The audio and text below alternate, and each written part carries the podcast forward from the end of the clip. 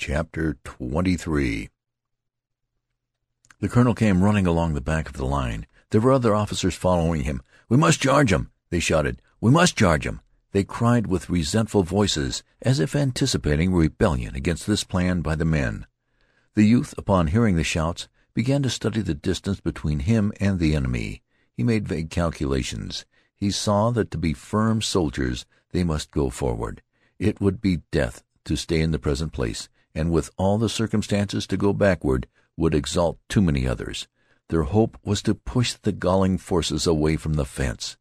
He expected that his companions, weary and stiffened, would have to be driven to this assault, but as he turned toward them he perceived with a certain surprise that they were giving quick and unqualified expressions of assent. There was an ominous, clanging overture to the charge when the shafts of the bayonets rattled upon the rifle barrels. At the yelled words of command the soldiers sprang forward in eager leaps. There was new and unexpected forces in the movement of the regiment. A knowledge of its faded and jaded condition made the charge appear to be a paroxysm, a display of the strength that comes before a final feebleness. The men scampered in insane fever of haste, racing as if to achieve a sudden success before an exhilarating fluid should leave them.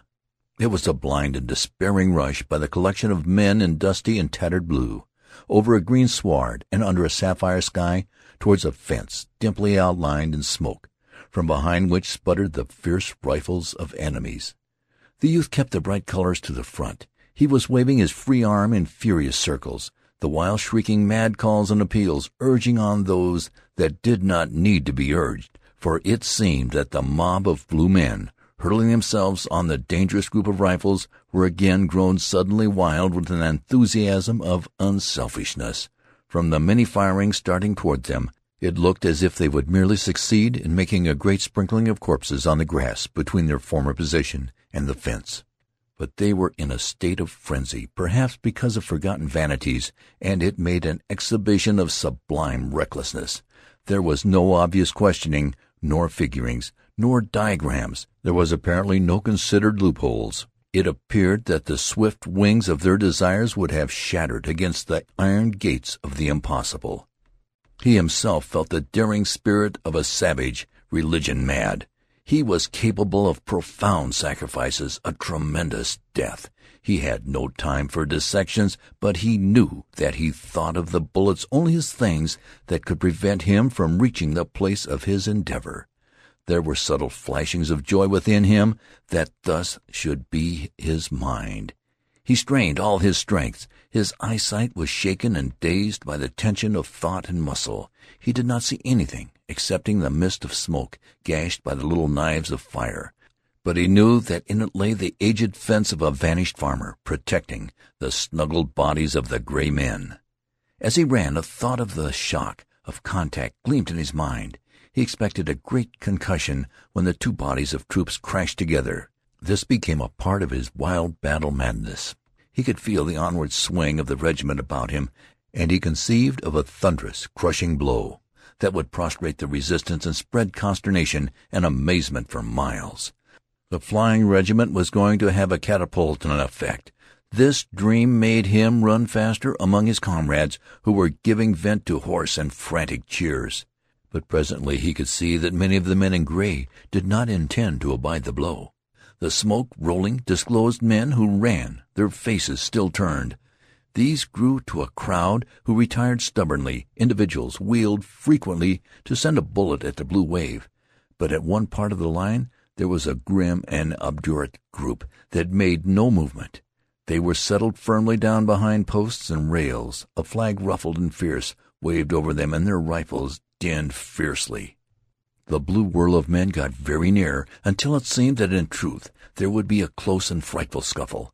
There was an expressed disdain in the opposition of the little group that changed the meaning of the cheers of the men in blue. They became yells of wrath, directed, personal. The cries of the two parties were now in sound an interchange of scathing insults. They in blue showed their teeth, their eyes shone all white. They launched themselves at the throats of those who stood resisting. The space between dwindled to an insignificant distance. The youth had centered the gaze of his soul upon the other flag. Its possession would be high pride. It would express bloody minglings near blows. He had a gigantic hatred for those who made great difficulties and complications. They caused it to be as a craved treasure of mythology, hung amid tasks and contrivances of danger. He plunged like a mad horse at it. He was resolved it should not escape if wild blows and darings of blows could seize it. His own emblem, quivering and aflare, was wriggling toward the other. It seemed there would shortly be an encounter of strange beaks and claws as of eagles. The swirling body of blue men came to a sudden halt at close and disastrous range and roared a swift volley. The group in gray was split and broken by this fire, but its riddled body still fought. The men in blue yelled again and rushed in upon it. The youth in his leaping saw as through a mist a picture of four or five men stretched upon the ground or writhing upon their knees, with bowed heads as if they had been stricken by bolts from the sky. Tottering among them was the rival color-bearer, whom the youth saw had been bitten virtually by the bullets of the last formidable volley. He perceived this man fighting a last struggle, the struggle of one whose legs are grasped by demons. It was a ghastly battle. Over his face was the bleach of death but set upon it was the dark and hard lines of desperate purpose. With this terrible grin of resolution he hugged his precious flag to him and was stumbling and staggering in his design to go the way that led to safety for it. But his wounds always made it seem that his feet were retarded, held, and he fought a grim fight, as with invisible ghouls fastened greedily upon his limbs. Those in advance of the scrambling blue men howling cheers, leaped at the fence. The despair of the lost was in his eyes as he glanced back at them. The youth's friend went over the obstruction in a tumbling heap and sprang at the flag as a panther at prey. He pulled at it and, wrenching it free, swung up its red brilliancy with a mad cry of exultation, even as the color-bearer, gasping, lurched over in a final throw and, stiffening convulsively, turned his dead face to the ground. There was much blood upon the grass blades. At the place of success there began more wild clamorings of cheers. The men gesticulated and bellowed in an ecstasy. When they spoke it was as if they considered their listener to be a mile away. What hats and caps were left to them they often slung high in the air. At one part of the line four men had been swooped upon, and they now sat as prisoners. Some blue men were about them in an eager and curious circle. The soldiers had trapped strange birds, and there was an examination. A flurry of fast questions was in the air. One of the prisoners was nursing a superficial wound in the foot. He cuddled it, baby-wise, but he looked up from it often to curse with an astonishing utter abandon straight at the noses of his captors. He consigned them to red regions. He called upon the pestilential wrath of strange gods, and with it all he was singularly free from recognition of the finer points of the conduct of prisoners of war.